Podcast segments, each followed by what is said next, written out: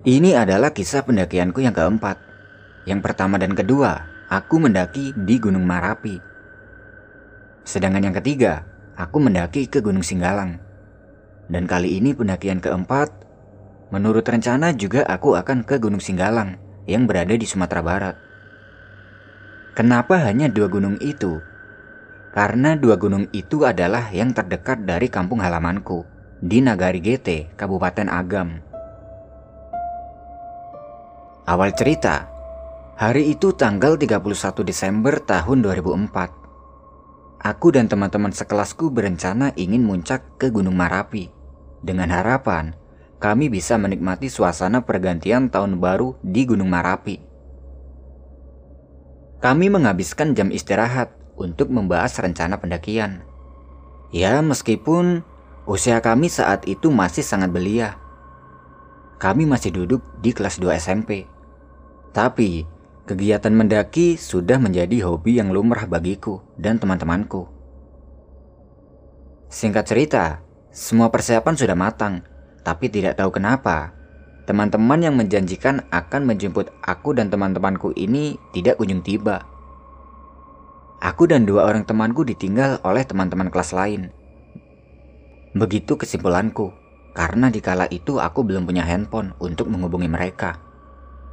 Alhasil, kami hanya duduk menunggu tanpa hasil di sebuah warung.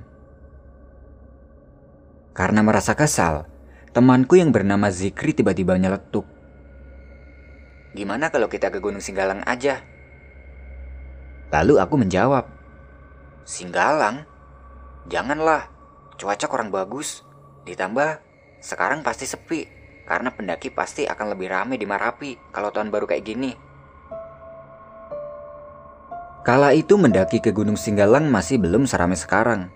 Dan jika dibandingkan dengan Marapi, Singgalang jauh lebih sepi. Selain karena trek yang lebih sulit daripada Marapi, juga dikarenakan Gunung Singgalang bisa dibilang lebih mistis daripada Gunung Marapi. Ada mitos yang mengatakan, pendaki yang hilang di Gunung Singgalang tidak akan bisa ditemukan jasadnya. Tapi kalau hilang di Marapi, jika meninggal, maka jasadnya masih bisa ditemukan. Dengan bismillah, kami luruskan tekad untuk bisa muncak di Gunung Singgalang. Di sisi lain, kami ingin menyombong dan mengalahkan teman-teman yang sudah meninggalkan kami ke Marapi. Aku dan dua temanku berangkat tanpa izin dari orang tua. Satu hal yang menjadi sesal bagiku, sampai saat ini tidak ada satupun keluarga yang mengetahui hobiku mendaki gunung yang sudah sangat sering aku lakoni, bahkan sampai ibuku berpulang. Beliau tidak pernah mengetahuinya. Singkat cerita, akhirnya kami pun sepakat ke Gunung Singgalang. Aku dan dua temanku memulai pendakian setelah sholat asyar. Mungkin sekitar pukul 4 sore. Tepatnya aku sudah lupa. Kalau tidak ada kendala, Diperkirakan kami sudah bisa sampai di Telaga Dewi pada tengah malam. Pemandangan di Telaga Dewi sangat indah dan membakar semangat kami bertiga untuk memulai pendakian ini dengan bismillah.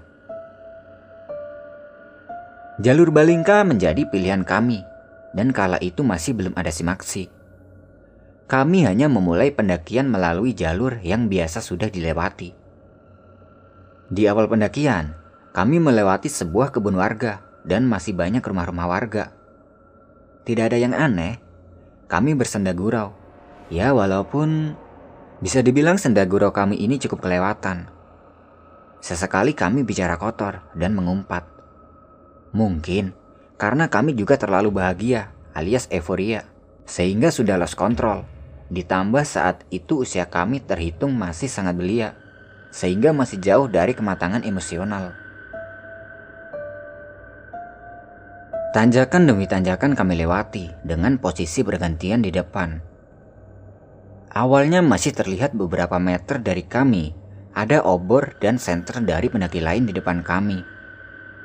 Tapi lama-kelamaan tanpa kami sadari, yang ada di jalur tersebut hanyalah kami bertiga. Mungkin bisa dibilang itu bukan jalur, karena kamilah yang menerabas tanaman-tanaman hutan untuk membuka jalan saat itu tanpa pisau, hanya bermodal ranting kayu. Kami terus menebas ilalang dan tanaman hutan lainnya, hingga kami tersentak karena kami tidak kunjung tiba dan merasa bahwa jalur yang kami lalui adalah hutan yang tidak pernah dilalui oleh orang lain. Aku dan dua temanku masih terus berusaha membuka jalan yang ditumbuhi rumput dan tanaman liar hingga makin jauh. Rizky dan Zikri, kedua temanku itu mulai lemah dan nyaris sampai pada batasnya. Hewan-hewan hutan mulai kami saksikan. Dari ular besar yang membuat kami menahan nafas, burung hantu dengan suaranya yang membuat bulu kuduk berdiri, dan kera. Entah itu hewan nyata atau tidak. Tapi syukurlah tidak ada sosok makhluk halus yang kami jumpai. Kami pun sudah sangat lelah, tanpa tenda, tanpa sleeping bag. Kami memutuskan untuk istirahat. Aku dan dua temanku mulai membuat api unggun untuk menghangatkan tubuh dan untuk melindungi kami dari harimau atau hewan ganas lainnya. Kami hanya bermodal ranting-ranting yang kami kumpulkan dan korek api yang masih tersisa. Dan di saat itulah teman-temanku sudah sampai pada batas emosinya. Mereka mulai tersiak menangis. Pergolakan emosi mereka mulai aku rasakan. Zikri mulai memohon ampun dan minta maaf kepada ibunya atas kesalahan yang dilakukan selama ini, termasuk dosanya yang sama sekali tidak pernah izin kepada ibunya untuk pergi mendaki. Alih-alih izin, dia malah berbohong dengan mengatakan akan menginap di rumah temannya. Laika pulang awak kok kawan. Maafkan salah Denmark. Dan salah. Bergantian, Kedua sahabatku itu mengutarakan kalimat yang serupa tanpa henti. Aku panik, aku takut, semuanya bercampur. Tapi aku berusaha kuat dan tidak ikut larut dalam tangis seperti mereka. Agar setidaknya ada kekuatan bagiku untuk berpikir. Kupandangi sekeliling kami yang hanya hutan belantara. Seperti tidak ada tanda-tanda manusia lain. Kelam dan pekat. Hingga membuatku ikut berpikir akankah kami bisa pulang dengan selamat? Jika aku harus mati di sini, izinkan jasadku bisa ditemukan. Tapi jika aku dibolehkan pulang ke rumah, maka kirimkanlah bantuan untuk kami ya Tuhan. Demikianlah batinku yang sedang asik bergulat dengan pikiranku, sambil ditemani sebatang rokok yang masih tersisa dan kuhisap sesekali. Seketika itu, tidak jauh dari kami ada seorang laki-laki tua bungkuk sambil memegang tongkat dengan pundaknya memikul kain berbalut di dalamnya, seperti peralatan kebun. Mungkin itu adalah warga yang hendak berkebun, pikirku. Kakek itu memakai baju berwarna putih dengan tiga kancing di bagian dadanya. Melihat baju itu, aku ingat persis. Itu mirip seperti baju milik bapakku. Kakek itu mengenakan celana hitam dan tudung tani. Dengan perasaan lega, aku menenangkan kedua temanku. Sudah, sudah, gak usah nangis. Kalian cengeng. Itu ada kakek-kakek mau berkebun. Berarti kita sudah dekat dengan pemukiman warga. Ucapku seraya memanggil kakek itu, yang tampak seperti ingin berlalu dari kami. Kek, Kakak itu berhenti dan menjawab dengan logat kentalnya. Iya cu, nak kama waang. Tanyanya seolah sudah paham dengan maksudku. Kami mau ke puncak kek, tapi sepertinya kami tersesat. Kami tidak menemukan lagi jalur pendakiannya. Kakek itu lalu berucap sambil tetap menjaga jarak dariku. Seolah beliau enggan kudekati. Iyalah, sase ang mah. Iko hutan nan indah dijaki orang. Ba kok tibo sampai kamari. Mendengar itu, aku pun bertanya bagaimana caranya agar kami bisa kembali ke bawah. Lalu, gimana caranya kami bisa sampai kembali ke bawah, kek? Jawabku sambil melihat terus ke mulut kakek itu yang terlihat tidak tertutupi topi taninya.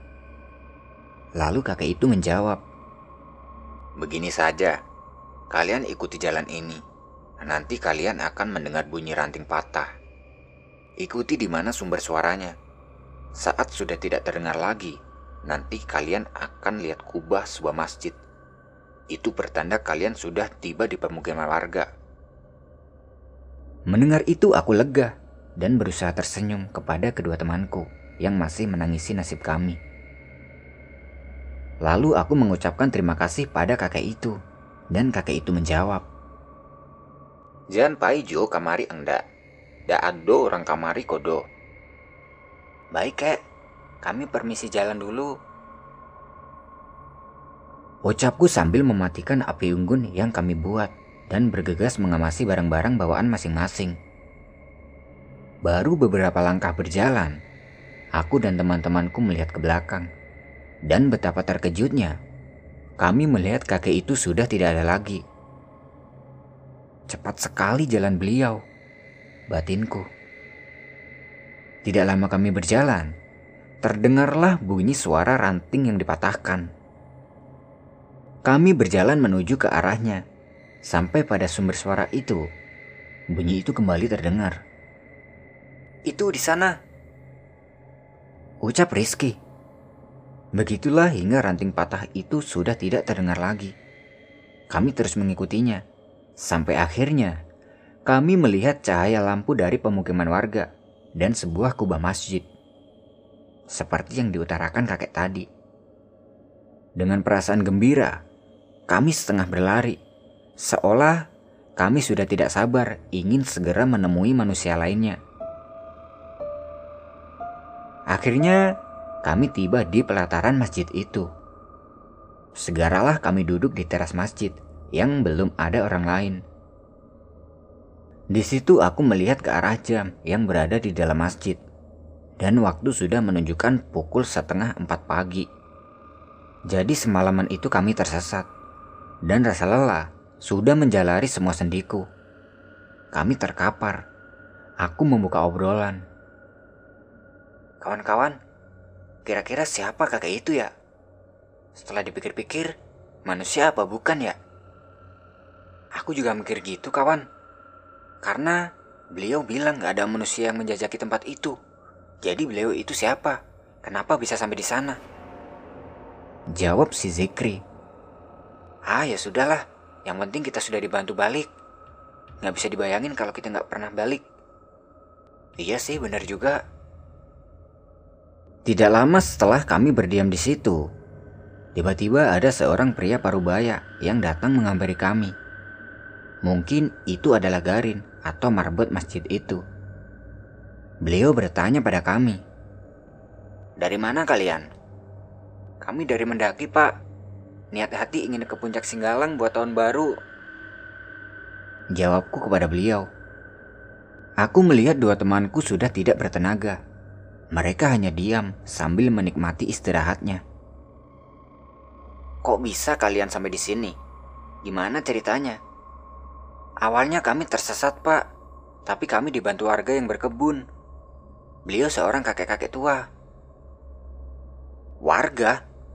Berkebun? Mana ada manusia berkebun di hutan itu? Tak ada tanaman yang bisa ditanam di sana karena cukup terjal. Itu namanya hutan piatu. Hutan yang tidak dijajahi manusia. Pasti itu penunggu tadi kek yang sudah menuntun kalian pulang. Beruntunglah kalian bisa pulang kembali dan selamat. Apa orang tua kalian tahu kalau kalian pergi mendaki?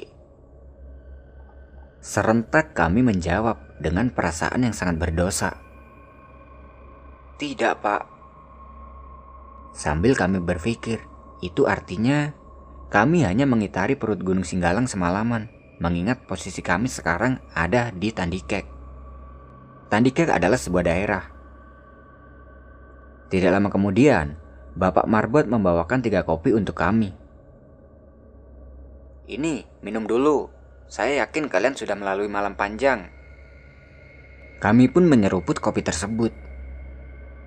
Habis ini kalian siap-siap untuk subuh ya. Baik pak, terima kasih. Jawab kami dengan serentak. Semenjak itu, sampai sekarang aku belum pernah mendaki ke Gunung Singgalang lagi aku lebih memilih naik ke Gunung Marapi Mungkin suatu saat ingin rasanya untuk temu kangen dengan Gunung Singgalang lagi. Kisah ini pun menjadi kisah yang lama terkubur di memoriku. Teman-temanku Rizky dan Zikri, mereka sudah belasan tahun tidak bertemu denganku. Andai bertemu lagi, aku ingin sekali mengajak mereka nanjak bareng, tapi di jalur yang benar pastinya.